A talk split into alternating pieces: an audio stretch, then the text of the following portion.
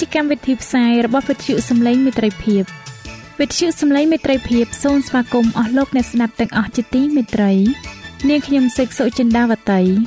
ហើយខ្ញុំបាទអង្ចាន់វិជ្ជៈក៏សូមស្វាគមន៍លោកអ្នកស្ដាប់ទាំងអស់ផងដែរនៅពេលនេះយើងខ្ញុំមានសេចក្តីសុំមនស្សរីករាយដោយបានវិលមកជួបអស់លោកអ្នកនាងកញ្ញាអ្នកស្ដាប់សាជាថ្មីម្ដងទៀត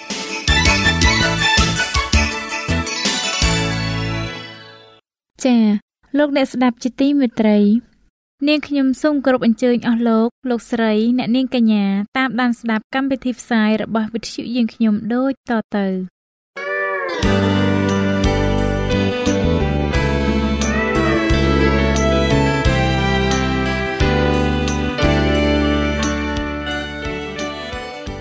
ព្រះបន្ទូលសម្រាប់អ្នកនៅថ្ងៃនេះព្រះគម្ពីរអេសាយជំពូក35ខ4បានចែងថា ចូលឲ្យមានកម្លាំងចុះ កុំឲ្យខ្លាចឡើយ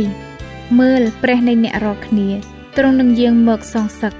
ហើយនឹងយករង្វាន់របស់ព្រះមកទ្រង់នឹងយាងមកជួយសង្គ្រោះអ្នករាល់គ្នា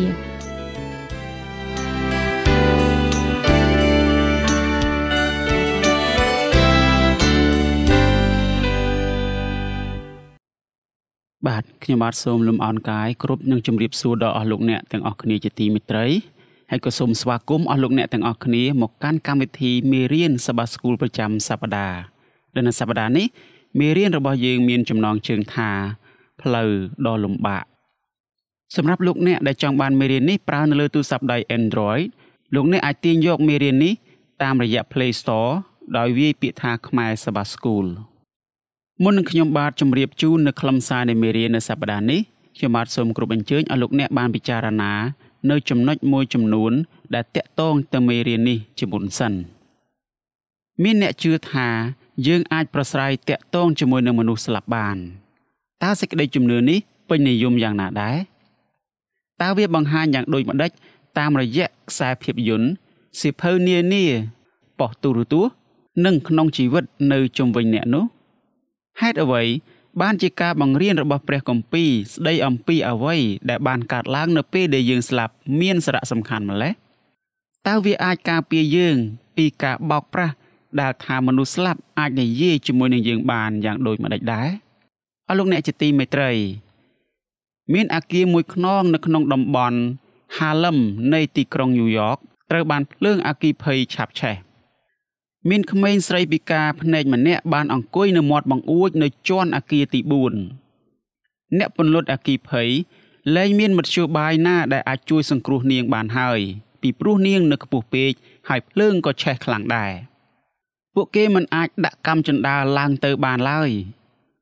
ពួកគេក៏មិនអាចឲ្យនាងលោតចូលទៅក្នុងសំណាញ់សង្គ្រោះជីវិតដែលបានលាតត្រដាងចាំទ្រនាងនៅពីក្រោមបានដែរ ពិតណាស់ក្មេងស្រីដែលពិការភ្នែកនោះ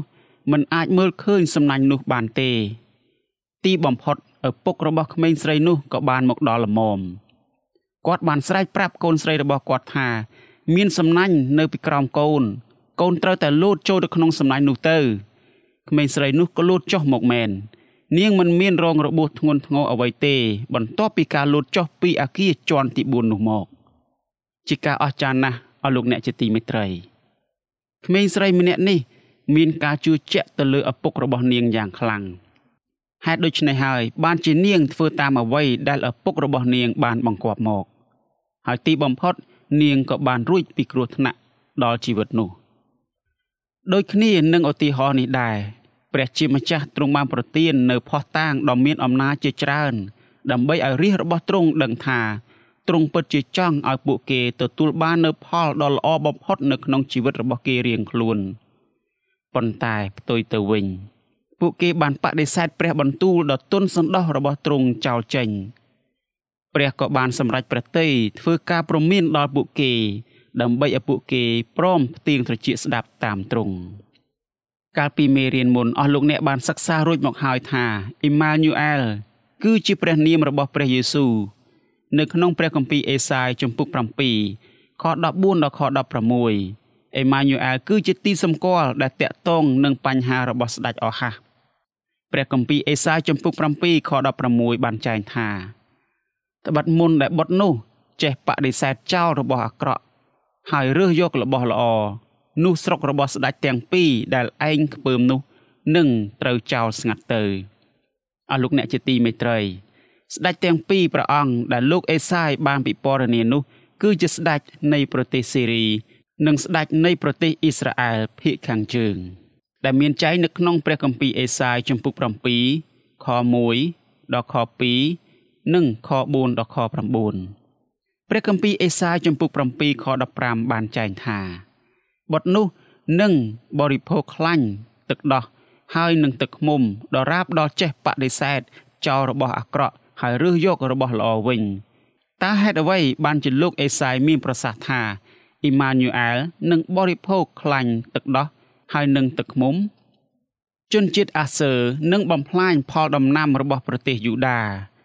ដូច្នេះប្រជាជនទាំងឡាយព្រមទាំងអ៊ីម៉ានូអែលក្នុងសម័យសញ្ញាចាស់មិនថាទ្រង់ជានរណានោះទេនឹងត្រូវបង្ខំចិត្តបរិភោគអ្វីដែលមនុស្សក្រីក្របរិភោគដែរ ដែលមានចែងនៅក្នុងព្រះគម្ពីរអេសាយជំពូក7ខ14ដល់ខ15ប៉ុន្តែពួកគេនឹងមានបរិភោគគ្រប់គ្រាន់សម្រាប់ការរស់នៅ បើទោះជាពួកគេមានភាពក្រខ្សត់យ៉ាងណាក៏ដោយតើព្រះបន្ទូលតាមរយៈលោកអេសាយស្ដីអំពីស្រុកសេរី និងស្រុកអ៊ីស្រាអែលកើតឡើងនៅពេលណាលោកអ្នកអាចសិក្សាបន្ថែមដោយអានព្រះគម្ពីរពងសាវតារខ្សាត់ខ្សែទី2 ជំពូក15ខ29និងខ30ពងសាវតារខ្សាត់ខ្សែទី2ជំពូក16ខ7ដល់ខ9ព្រះគម្ពីររបាខ្សាត់ខ្សែទី1ជំពូក5ខ6និងខ26អស់លោកអ្នកជាទីមេត្រី ព្រះទ្រង់បានប្រទានបទព្រះបន្ទូលរបស់ទ្រង់មកដល់លោកអេសាយនៅក្នុងអំឡុងឆ្នាំ734មុនគ្រិស្តសករាជបន្ទាប់ពីទីកាឡាត ពេលីសឺបានទទួលយកស៊ុយសាអាកជាប្រកាសពីស្ដេចអហាសរួចមក ស្ដេចអង្គនេះក៏បានធ្វើអ្វីដែលទ្រង់ចង់ធ្វើតែម្ដងព្រះអង្គបានវាយប្រទេសអ៊ីស្រាអែលនិងប្រទេសសេរី ក្រោយមកទ្រង់ក៏បានចាប់បញ្ជូនយកប្រជាជនខ្លះក្នុងស្រុកអ៊ីស្រាអែលខាងជើង ហើយក៏បានរាប់បញ្ចូលទឹកដីទាំងនោះ មកជាចំណែកទឹកដីនគររបស់ផងទ្រង់ដែររឿងរ៉ាវទាំងអស់នេះ កើតឡើងនៅឆ្នាំ734ដល់ឆ្នាំ733មុនគ្រិស្តសករាជជនជាតិអ៊ីស្រាអែលដែលនៅសេសសល់មួយចំនួនត្រូវបានជួយសង្គ្រោះដោយសារគ្រានោះស្ដេចហូសេ បានថ្វាយនៅអំណោយជាប្រកាសមួយចំនួន ហើយសន្យាថានឹងបំរើដល់ស្ដេចទីកាឡាតពេលីសឺមុននេះបន្តិច ស្ដេចហូសេបានធ្វើឃាតស្ដេចពេកា នៅឆ្នាំ733 និងឆ្នាំ732មុនគ្រិស្តសករាជព្រះបាទទីកាឡាតពីលេសឺបានកាន់កាប់ក្រុងដាម៉ាស់ដែលជារដ្ឋធានីរបស់ប្រទេសស៊ីរី បន្ទាប់មកទ្រង់ក៏បានដាក់ប្រទេសសេរីជាផ្នែកមួយនៃអាណាចក្ររបស់ទ្រង់ដូច្នេះនៅឆ្នាំ732មុនគ្រិស្តសករាជប្រហែលជា2ឆ្នាំបន្ទាប់ពីហោរាអេសាយបានប្រកាសព្រះបន្ទូលរួចមក ប្រទេសសេរីនិងប្រទេសអ៊ីស្រាអែលក៏ត្រូវបានបំផ្លាញទាំងស្រុងភ្លាមភ្លាមក្រោយមកនៅឆ្នាំ727មុនគ្រិស្តសករាជស្ដេចសាលម៉ាននេសៀបានដណ្ដើមរាជពីព្រះបាទទីកាឡាតពីលេសឺទី3បន្ទាប់មកហូសេដែលជាស្ដេចរបស់ប្រទេសអ៊ីស្រាអែលក៏បានធ្វើនៅរឿងដ៏ឆោតល្ងងមួយដែលទង្វើនេះបាននាំឲ្យប្រទេសរបស់ទ្រង់ត្រូវជួបនឹងគ្រោះអន្តរាយ ព្រះអង្គបានច្បាំងនឹងស្រុកអាសឺជនជាតិអាសឺក៏បានចាប់យកក្រុងសាម៉ារី ដែលជារដ្ឋធានីរបស់ប្រទេសអ៊ីស្រាអែលនៅឆ្នាំ722មុនគ្រិស្តសករាជប្រទេសនោះក៏បានចាប់បញ្ជូនជនជាតិអ៊ីស្រាអែលរាប់ពាន់នាក់និរទេសចេញទៅចាប់តាំងពីពេលនោះមកជនជាតិអ៊ីស្រាអែលក៏បានคล้ายខ្លួនជាផ្នែកមួយក្នុងតំបន់របស់មេឌីនិងមេសូប៉ូតាមី ជនជាតិអ៊ីស្រាអែលលែងបានហៅថា ជាប្រជាជាតិទៀតហើយដោយដែលគម្ពីរអេសាយជំពូក7ខ8បានចែងស្រាប់ថា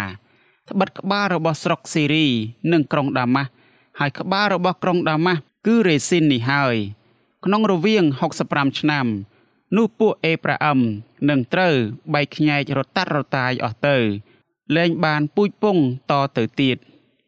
ព្រះបានបង្ហាញឲ្យលោកអេសាយបានឃើញពីអ្វីដែលនឹងកើតឡើងចំពោះសត្រូវរបស់ពួកយូដានេះហើយជាមូលហេតុដែលស្ដេចអហាសមិនគួរព្រួយបារម្ភទ្រង់មិនគួរសុំជំនួយពីស្រុកអាសឺនោះទេដូច្នេះដំណឹងល្អដែលព្រះជាម្ចាស់បានប្រទានសម្រាប់ស្ដេចអហាសគឺថាស្រុកសេរី និងអ៊ីស្រាអែលនឹងត្រូវបានបំផ្លាញចោលជាមិនខានប៉ុន្តែស្ដេចអង្គនេះ ជាបុគ្គលដែលខ្លាចមនុស្ស តែគ្មានសេចក្តីជំនឿលើព្រះបន្តិចសោះឡើយទ្រង់បានសេពគប់ជាមួយនឹងមិត្តភ័ក្តិដែលខុសនៅក្នុងការជួយទ្រង់ដូច្នេះដំណឹងដែលអាក្រក់គឺថា ស្រុកអាសឺ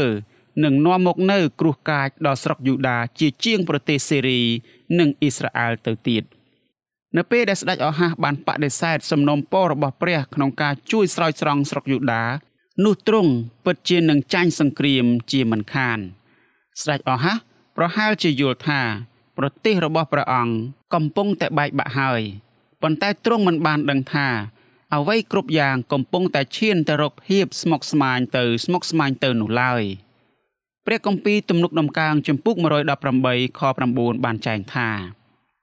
ស៊ូពឹងជ្រកនៅព្រះយេហូវ៉ាជាជាងទុកចិត្តនឹងពួកអ្នកធំតើស្ដេចអហាសអាចជឿជាក់បានយ៉ាងដូចម្ដេចថា ទីកាឡាត ពីលេសឺនិងសបាយចិត្តដោយយកតែប្រទេស នៅភូមិខាងជើង និងព្រមទុកឲ្យស្រុកយូដារួចខ្លួននោះ សំណេររបស់ជនជាតិអ៊ីស្រាអែលបានបង្ហាញថា ពួកស្ដេចអាសឺមានការស្រេកឃ្លានអំណាចជាខ្លាំងពួកគេមិនចេះស្កប់ស្កល់នឹងអំណាចដែលខ្លួនមាននោះឡើយពួកគេតែងតែលោភលន់និងចង់បានមិនចេះឆ្អែតឆ្អន់សោះ ព្រះគម្ពីររបស់ខ្សាត់ខ្សែទី2ជំពូក28ខ20ដល់ខ23បានបង្ហាញឲ្យយើងឃើញយ៉ាងច្បាស់នៅអ្វីដែលបានកើតឡើងដោយសារស្ដេចអង្គនេះទីពឹងជំនួយពីស្រុកអាសឺជាជាងទុកចិត្តលើព្រះជាម្ចាស់ព្រះគម្ពីររបស់ខ្សាត់ខ្សែទី2ជំពូក28ខ20ដល់ខ23បានចែងថា គ្រានោះទីកាឡាតពីលេសឺជាស្ដេចស្រុកអាសឺក៏មកឯទ្រង់តែមិនបានជួយ ចម្រើនកម្លាំងទ្រង់ទេ គឺបានធ្វើឲ្យទ្រង់មានសេចក្តីលំបាកវិញត្បិតអស់ហាបានបែងយកចំណែកពីព្រះវិហារនៃព្រះយេហូវ៉ាពីព្រះរាជដំណាក់ហើយពីពួកចាវាយទៅដល់ស្ដេចអាសឺតែការនោះមិនបានជួយដល់ទ្រង់ដែរហើយនៅគ្រាដែលមានសេចក្តីទុក្ខវេទនា គឺអស់ហានេះឯងទ្រង់បានប្រព្រឹត្តរំលងនឹងព្រះយេហូវ៉ាថែមទៀតគឺទ្រង់បានថ្វាយយ៉ាញ់បូជា ដល់អស់ទាំងព្រះនៃពួកក្រុងដាម៉ាស់ដែលគេបានវាយទ្រង់ដោយនឹកថាដោយព្រោះព្រះនៃពួកស្ដេចសេរីបានជួយគេនោះយើងនឹងថ្វាយយ៉ាញ់បូជាដល់ព្រះទាំងនោះដែរដើម្បីឲ្យបានជួយខាងយើងប៉ុន្តែព្រះទាំងនោះជាហេតុនាំឲ្យទ្រង់និងពួកអ៊ីស្រាអែលទាំងអស់រួញថយវិញ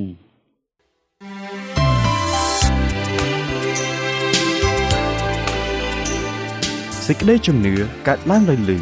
ហើយដែលលឺនោះគឺដោយសារព្រះបន្ទូលនៃព្រះ តាមរយៈវិទ្យុសំឡេងមិត្តភាព AWR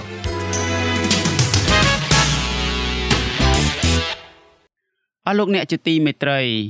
វាជារឿងធម្មតាទេដែលមនុស្សយើងតែងតែទុកចិត្តលើអ្វីដែលអាចមើលឃើញនោះ ហើយអាចមានអារម្មណ៍និងអាចភ្លក់ដឹងរសជាតិ ព្រមទាំងអាចប៉ះពាល់បាននៅចំពោះអ្វីៗដែលនៅលើផែនដីនេះប៉ុន្តែដោយដែលយើងបានដឹងរួចមកហើយថាអ្វីអ្វីដែលនៅលើផែនដីនេះនឹងរលាយបាត់បង់ទៅ នៅពេលណាមួយខាងមុខដោយសារតែស្ដេចអហាសបានងាកទៅពឹងស្រុកអាសឺនោះឈ្មោះកូនប្រុសរបស់អេសាយជួយយើងឲ្យយល់ដឹងអំពីអ្វីដែលនឹងកើតឡើងចំពោះស្រុកយូដា និងអ៊ីស្រាអែលខាងជើង អត្ថន័យនៃឈ្មោះរបស់ពួកគេគឺ1ខំប្រឹងរឹបអូសយកទ្រព្យសម្បត្តិហើយសម្រុកចូល ដោយប្រញាប់ទៅយករបស់របរដោយកម្លាំងទី2មនុស្សមួយក្រុមតូចនឹងត្រឡប់មកវិញអត្តន័យរបស់ឈ្មោះទី2បានបង្ហាញថាសេចក្តីសង្ឃឹមបានកើតមានសម្រាប់ពួកយូដាហើយ ជាការពិតណាស់ពួកអាសឺនឹងកាន់កាប់ស្រុករបស់អ៊ីម៉ាញូអែល ដែលមានចែងនៅក្នុងព្រះគម្ពីរអេសាយជំពូក8ខ8ប៉ុន្តែ ព្រះបានសន្យាដល់សាសយូដាថាទ្រង់គង់នៅជាមួយយើង ព្រះជាម្ចាស់នឹងគង់នៅជាមួយនឹងរាជដែលស្មោះត្រង់របស់ទ្រង់ព្រះអង្គនឹងវិនិច្ឆ័យទោសសត្រូវរបស់ជនជាតិយូដាទ្រង់នឹងដាក់ទោសពួកគេដោយភ្លើងសង្គ្រាមនិងទុក្ខវេទនាផ្សេងផ្សេងព្រះអង្គនឹងចាត់រាជរបស់ទ្រង់ឲ្យទៅរស់នៅឆ្ងាយឆ្ងាយផងដែរ ប៉ុន្តែបន្ទាប់មកទ្រង់នឹងនាំពួកគេត្រឡប់មកកាន់ទឹកដីរបស់ខ្លួនវិញហេតុអ្វីបានជាហោរាអេសាយសរសេរឈ្មោះកូនប្រុសរបស់ខ្លួនមុនពេលដែលវាកើតមកដូច្នេះពេលវេលាដែលកូនប្រុសរបស់អេសាយត្រូវកើតមក គឺជាគ្រាដ៏សំខាន់ណាស់ថ្ងៃកំណើតរបស់កូននេះគឺជាទីសម្គាល់មួយ សញ្ញានេះបង្ហាញថា ស្រុកអាសឺនឹងវាយកប្រទេសសេរីនិងអ៊ីស្រាអែលមុនពេលដែលក្មេងប្រុសនេះចេះនិយាយថាឪអើយឬម៉ែអើយទៅទៀតព្រះគម្ពីរអេសាយជំពូក8ខ4បានចែងថាត្បិតមុនដែលកូននេះចេះហៅថាឪអើយម៉ែអើយនោះគេនឹងដឹកយកទ្រព្យសម្បត្តិរបស់ក្រុងដាម៉ាស់ហើយនឹងរបបនៅស្រុកសាម៉ារី នាំទៅនៅចំពោះស្ដេចស្រុកអាសឺហើយដូច្នេះហើយ លោកអេសាយបានសរសេរឈ្មោះកូនប្រុសរបស់ខ្លួនមុនពេលដែលវាចាប់ផ្ដើមលូតលាស់នៅក្នុងផ្ទៃម្ដាយរបស់វាមកម្លេះតាមរយៈការធ្វើបែបនេះ លោកអេសាយអាចចែកចាយនៅព្រះបន្ទូលរបស់ព្រះជាសាធារណៈមនុស្សអាចលបងលោព្រះបន្ទូលរបស់ព្រះដើម្បីមើលថាតើព្រះបន្ទូលនោះពិតឬមិនពិតទៅតាមអ្វីដែលនឹងត្រូវកើតឡើងនៅពេលខាងមុខអរលោកអ្នកជាទីមេត្រី មានពេលមួយប្រធានាធិបតីរបស់ប្រទេសអាមេរិកម្នាក់ឈ្មោះថា Franklin D. Roosevelt បានប្រាប់ប្រជាជនរបស់គាត់ដែលរស់នៅក្នុងគ្រាកលយុគនៅថ្ងៃទី24ខែមិនិនាឆ្នាំ1933ថារឿងតែមួយគត់ដែលយើងត្រូវខ្លាច គឺសេចក្តីភ័យខ្លាចនឹងតែម្ដង ព្រះបន្ទូលតាមរយៈហោរាអេសាយទៅកាន់ប្រជាជាតិរបស់លោកដែលកំពុងរស់នៅក្នុងគ្រាដ៏លំបាកគឺត្រូវរាប់ព្រះយេហូវ៉ានៃពួកពលបរិវារទុកជាបរិសុទ្ធព្រមទាំងយកទ្រង់ជាទីភ័យខ្លាចហើយតក់ស្លុតវិញ ដែលមានចែងនៅក្នុងព្រះគម្ពីរអេសាយចំពុក8ខ13ម្យ៉ាងវិញទៀតយើងមិនចាំបាច់ភ័យខ្លាចអ្វីនោះទេ នៅពេលដែលយើងកោតខ្លាច និងគោរពប្រណិប័តដល់ព្រះហើយនោះ ព្រះអង្គបានប្រមានយ៉ាងមុតមមដល់ហារ៉ាអេសាយដើម្បីកុំឲ្យលោកមានការភ័យខ្លាចជាមួយនឹងសាសអ៊ីស្រាអែលនៅក្នុងគ្រានោះឡើយប៉ុន្តែត្រូវគោរពនិងកោតខ្លាចដល់ព្រះវិញនេះគឺជាគំនិតដ៏សំខាន់មួយនៅក្នុងព្រះគម្ពីរយើងក៏បានឃើញនៅគំនិតស្រដៀងគ្នានេះដែរនៅក្នុងព្រះគម្ពីរវិវរណៈជំពូក14ខ6ដល់ខ12នៅក្នុងខទាំងនេះ ទេវតាទាំង3អង្គបានមានបន្ទូលប្រាប់ដល់មនុស្សគ្រប់គ្នានៅលើផែនដីឲ្យកោតខ្លាចដល់ព្រះហើយលើកដំកើងស្រីល្អរបស់ទ្រង់ចុះតែទ្រង់មិនបានបង្គាប់ឲ្យយើងកោតខ្លាចដល់សត្វសាហាវនៅលើដី ក្នុងព្រះគម្ពីរវិវរណៈជំពូក13នោះទេតើការកោតខ្លាចដល់ព្រះមានន័យយ៉ាងដូចម្តេចវាមានន័យថា យើងគ្រប់គ្នាត្រូវតែជឿថា ព្រះគឺជាបុគ្គលម្នាក់ ដែលមានអំណាចជាទីបំផុតប្រសិនបើទ្រង់គង់នៅជាមួយនឹងលោកអ្នកនោះគ្មាននរណាម្នាក់អាចបៀតបៀនលោកអ្នកដោយគ្មានការអនុញ្ញាតពីទ្រង់បានឡើយប្រសិនបើព្រះជាម្ចាស់ទាស់នឹងលោកអ្នកវិញដោយសារតែអ្នករាល់គ្នាបះបោនឹងទ្រង់នោះតើនឹងមានអ្វីកើតឡើងទៅត្រូវហើយអ្នករាល់គ្នាអាចរត់ចេញពីទ្រង់បានប៉ុន្តែអ្នករាល់គ្នាមិនអាចលាក់ខ្លួនចិត្តបាននោះទេ ការភ័យខ្លាចមានលក្ខណៈផ្សេងផ្សេងគ្នាឧទាហរណ៍លោកអ្នកមានមិត្តសម្លាញ់ដែលមានឥទ្ធិពលម្នាក់លោកអ្នកស្រឡាញ់មិត្តភ័ក្តិរបស់លោកអ្នកលោកអ្នកមិនខ្លាចមិត្តភ័ក្តិរបស់លោកអ្នកនោះទេព្រោះលោកអ្នកដឹងថាគាត់នឹងមិនធ្វើបាបលោកអ្នកឡើយប៉ុន្តែលោកអ្នកក៏គោរពដល់មនុស្សម្នាក់នេះនិងអំណាចរបស់គាត់ដែរព្រះគម្ពីរអេសាយជំពូក8ខ16ដល់ខ22បានចែងថា ចូលចងសេចក្តីបន្ទាល់ទុកហើយបិទត្រាបញ្ញត្តិច្បាប់នៅក្នុងពួកសិស្សរបស់អញចោះឯខ្ញុំខ្ញុំនឹងទន្ទឹងចាំព្រះយេហូវ៉ាដែលទ្រង់លាក់ព្រះភ័ក្ត្រនិងពូជពងយ៉ាកុបខ្ញុំនឹងចាំមើលតែទ្រង់មើលខ្ញុំហើយនឹងកូនដែលព្រះយេហូវ៉ាបានប្រទានមកខ្ញុំយើងខ្ញុំសម្រាប់ជាទីសម្គាល់មកពីព្រះយេហូវ៉ានៃពួកពលបរិវារដែលទ្រង់គង់នៅលើភ្នំស៊ីយ៉ូន ហើយជាទីអស្ចារ្យនៅក្នុងពួកអ៊ីស្រាអែលកាលបើអ្នកណាពោលដល់ឯងថា ចូលរកពួកគ្រូខាប និងគ្រូគាថា ដែលចេញពីសំឡេងអ៊ីអ៊ុហើយងុំងុំនោះត្រូវឆ្លើយថាគួរគប្បីឲ្យបណ្ដាជនស្វែងរកព្រះរបស់ខ្លួនវិញតើនឹងរកចំពោះរូបខ្មោចជាប្រយោជន៍ដល់មនុស្សរស់ធ្វើអីចូលទៅបើគម្ពីរបញ្ញត្តិនិងសេចក្តីបន្ទាល់មើល បើគេនិយាយមិនត្រូវនឹងព្រះបន្ទូលនោះ នោះគ្មានពលឺរះឡើងនៅក្នុងខ្លួនទេ គេនឹងដើរចុះឡើងក្នុងស្រុក មានទាំងទុកវេទនា ហើយស្រេកឃ្លាន កាលណាគេស្រេកឃ្លាន នោះនឹងមានចិត្តក្តៅក្រហាយហើយនឹងប្រតិចផ្ដាសាដល់ទាំងស្ដេចនិងព្រះរបស់ខ្លួន ដោយងើបមើលទៅលើមេឃផង រួចងាកមើលទៅផែនដីឃើញមានសុទ្ធតែសេចក្តីលំបាកសេចក្តីងងឹតនឹងឆ្លប់សូនសងគ្របសង្កត់ ដោយវេទនាចិត្តហើយនឹងត្រូវបណ្ដេញទៅ ក្នុងសេចក្តីងងឹតយ៉ាងក្រាស់អរលោកអ្នកជាទីមេត្រីតើខទាំងនេះ បានបរិយាយអំពីអ្វីខ្លះតើរឿងនេះបង្រៀនយើងយ៉ាងដូចម្ដេចអំពីស្ដេចអស់ហាស្ដេចអស់ហាគោរពបូជាដល់ព្រះខ្លែងខ្លាយហើយក៏ប្រណិប័តតាមសាសនាដែលខុសឆ្គងដែរសប្តាហ៍ថ្ងៃនេះ មានអំពើអាបធ្មប់សម័យទំនើប ឬមន្តអាគមអូមអាម និងជំនឿរបស់យុគសម័យថ្មី ដែលវាគ្រាន់តែជាឧទាហរណ៍បែបថ្មីនៃមន្តអាគមនិងអំពើអាបធ្មប់ ដែលយើងបានដឹងនៅសម័យព្រះគម្ពីរប៉ុណ្ណោះលោកអេសាយបានប្រាប់យើងអំពីអ្វីដែលនឹងកើតឡើងដល់យើង នៅពេលដែលយើងងាកចេញពីព្រះ ហើយបែរមកទុកចិត្តលើវិញ្ញាណខុសឆ្គងវិញចិត្តរបស់យើងនឹងពោពេញទៅដោយការភ័យខ្លាចនិងបាត់បង់នៅសេចក្តីសង្ឃឹមលោកអេសាយបាននិយាយថា ឯបុគ្គលដែលងាកទៅរកវិញ្ញាណខុសឆ្គងនោះនឹងคล้ายទៅជាបុគ្គលដែលមានទោសៈខ្លាំងណាស់ស្ដេចអហាសបានបណ្ដាលឲ្យប្រជាជនរបស់ទ្រង់គោរពបូជាអរិយ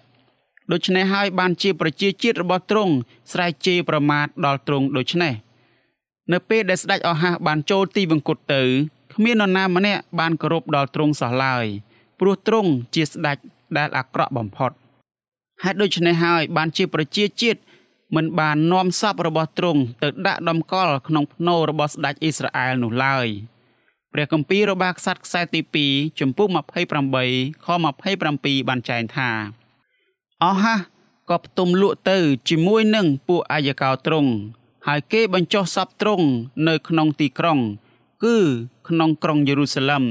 តែមិនមែនក្នុងភ្នូររបស់ពួកស្ដេចសាសអ៊ីស្រាអែលទេ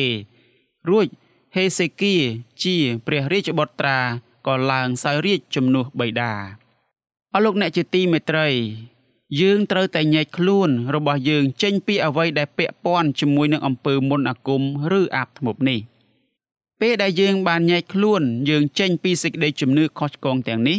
នោះយើងពិតជាបានបង្ហាញនូវភក្តីភាពចំពោះព្រះជាម្ចាស់ហើយ ព្រះគម្ពីររបស់ខ្សត្រខ្សែទី1ចំពុក10ខ13ដល់ខ14បានសម្ដែងប្រាប់យើងអំពីអ្វីដែលបានកើតឡើងចំពោះស្ដេចសូលដោយសារតែទ្រង់មិនបានធ្វើតាមច្បាប់ដ៏សំខាន់នេះ។ព្រះគម្ពីររបស់ក្សត្រខ្សែទី1ជំពូក10ខ13ដល់ខ14ចែងថាដូច្នេះសូលបានសគត់ដោយព្រោះអំពើដែលទ្រង់បានប្រព្រឹត្តរំលងទាស់នឹងព្រះយេហូវ៉ាដោយមិនបានកាន់តាមព្រះបន្ទូលនៃព្រះយេហូវ៉ា ហើយដោយព្រោះទ្រង់បានសួរទំនាយពីស្ត្រី ជាគ្រូខាបឥតទូលសួរដល់ព្រះយេហូវ៉ាហេតុនោះបានជាព្រះធ្វើឲ្យទ្រង់សគត់ព្រមទាំងបង្វែររាជទៅឲ្យដេវីតជាបុត្រអេសាយវិញ។នៅក្នុងសម័យព្រះគម្ពីរមានបុគ្គលខ្លះដែលនិយាយថាពួកគេអាចនិយាយឆ្លើយឆ្លងជាមួយនឹងវិញ្ញាណមនុស្សស្លាប់បានសប្តាហ៍នេះក៏មានបុគ្គលដែលនិយាយដូចគ្នានេះផងដែរពួកគេនិយាយថា ដួងវិញ្ញាណទាំងឡាយគឺជាភ្ញៀវដែលអញ្ជើញមក ពីពិភពផ្សេងទៀតប៉ុន្តែព្រះគម្ពីរបានប្រាប់យើងថាភ្ញៀវទាំងនេះពិតជាអរិយប្រសិនបើយើងប្រៀបធៀបជាមួយនឹងព្រះគម្ពីរផ្សេងផ្សេងទៀតនៅក្នុងព្រះគម្ពីរដូចជាព្រះគម្ពីរជនកណនីជំពូក25ខ1ដល់ខ3ទំនុកដំកើង106ខ28ក្រន្ធោខ្សែទី1ជំពូក10ខ20 និងព្រះគម្ពីរវិវរណៈជំពូក16ខ14ជាដើមព្រះមានបន្ទូលថាទ្រង់ពិតជាស្អប់ខ្ពើមណាស់នៅពេលដែលនរណាម្នាក់ប្រស្រ័យតាក់ទងជាមួយនឹងពួកអរិយឬវិញ្ញាណអាសោចនោះ។បញ្ញត្តិរបស់ព្រះបានចែងថាអ្នកណាដែលនិយាយជាមួយនឹងវិញ្ញាណអាសោចនោះនឹងត្រូវសម្លាប់ចោលជាមិនខានលោកអ្នកអាចសិក្សាបន្ថែម នៅក្នុងព្រះគម្ពីរលេវីវិន័យជំពូក19ខ31និងលេវីវិន័យជំពូក20ខ27 ជំនឿនេះមានការពេញនិយមណាស់សូម្បីតែអ្នកវិទ្យាសាស្ត្រខ្លះក៏គិតថា យើងអាចនិយាយទៅកាន់មនុស្សស្លាប់បានដែរមានមនុស្សរាប់ពាន់នាក់ឬរហូតដល់រាប់លាននាក់ក៏អាចថាបាន ដែលជឿថា យើងអាចប្រស្រ័យតាក់ទងជាមួយនឹងមនុស្សជាទីស្រឡាញ់របស់យើង ដែលបានស្លាប់ទៅហើយបានប៉ុន្តែជំនឿថ្មីនេះ គឺជាការកុហកបោកប្រាស់ទេ វាពិតជាដូចគ្នានឹងអំពើអាបធ្មប់ឬមន្តអាគមពីមុនដែលព្រះគម្ពីរបានប្រមានយើងមែនព្រះគម្ពីរបានហាមយើងមិនឲ្យពាក់ព័ន្ធនឹងអំពើទាំងអស់នេះទេអស់លោកអ្នកជាទីមេត្រីសូមឲ្យមេរៀននៅថ្ងៃនេះបានជាប្រពរដល់អស់លោកអ្នកទាំងអស់គ្នា ជាពិសេសសូមឲ្យអស់លោកអ្នកទាំងអស់គ្នា បានទទួលយកជំនឿតែមួយគត់គឺជឿទៅលើព្រះជាម្ចាស់នៃយើងទាំងអស់គ្នា ដែលព្រះអង្គគឺជាប្រភពនៃប្រាជ្ញា ប្រភពនៃព្រះពរ ហើយជាពិសេសព្រះអង្គគឺជាព្រះដែលអាចផ្ដល់ប្រគុណក្នុងការជួយប្រោះលោះយើងទាំងអស់គ្នាចេញពីអំពើបាបបានយ៉ាងពិតប្រាកដជាចុងបញ្ចប់នៃមេរៀននេះខ្ញុំបាទសូមលើកយកនៅខព្រះគម្ពីរមួយដើម្បីឲ្យអស់លោកអ្នកបានចងចាំគឺព្រះគម្ពីរអេសាយជំពូក8ខ17ដែលបានចែងថាឯខ្ញុំខ្ញុំនឹងទន្ទឹងចាំព្រះយេហូវ៉ាដែលទ្រង់លាក់ព្រះភ័ក្ត្រនិងពូជពងយ៉ាកុបខ្ញុំនឹងចាំមើលតែទ្រង់ បាទអស់លោកអ្នកជាទីមេត្រីសូមព្រះជាម្ចាស់ទ្រង់បានប្រទានពរដល់អស់លោកអ្នកទាំងអស់គ្នាហើយកម្មវិធីនេះនឹងវិលមកជួបអស់លោកអ្នកជាថ្មីម្ដងទៀតនៅសប្ដាហ៍ក្រោយ សូមអរគុណ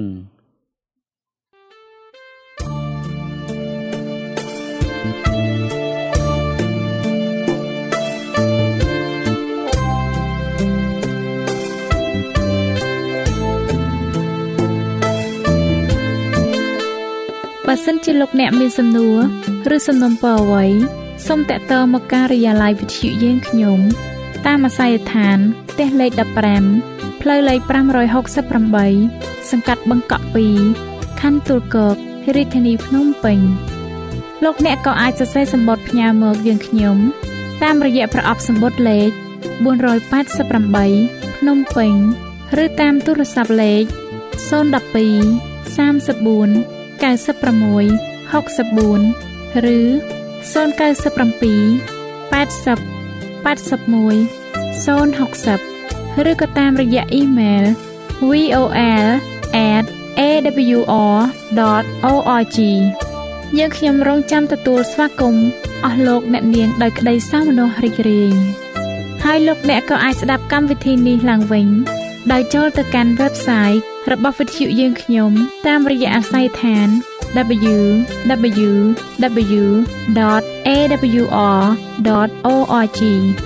លោកអ្នកនាងកញ្ញាជាទីមេត្រី កម្មវិធីផ្សាយរបស់វិទ្យុសំឡេងមេត្រីភាពនៅពេលនេះសូមបញ្ចប់តែប៉ុណ្ណេះយើងខ្ញុំសូមអរគុណចំពោះការតាមដានស្ដាប់របស់អស់លោកអ្នកតាំងពីដើមរហូតដល់ចប់យើងខ្ញុំសូមជូនពរឲ្យអស់លោកអ្នកនាងកញ្ញាទាំងអស់បានចម្រើនឡើងក្នុងព្រះគុណព្រះអង្គម្ចាស់ ហើយក្នុងការទទួលយកព្រះយេស៊ូវគ្រីស្ទជាព្រះអង្គម្ចាស់និងជាព្រះអង្គសង្គ្រោះនៃយើងរាល់គ្នានាទីផ្សាយរបស់វិទ្យុយើងខ្ញុំនឹងវិលមកជួបអស់លោកអ្នកសាជាថ្មីម្ដងទៀតនៅថ្ងៃស្អែកវេលាម៉ោងដដែលនាងខ្ញុំសេកសុចិន្តាវតីនិងខ្ញុំបាទអ៊ំច័ន្ទវិជ្ជៈសូមអរគុណ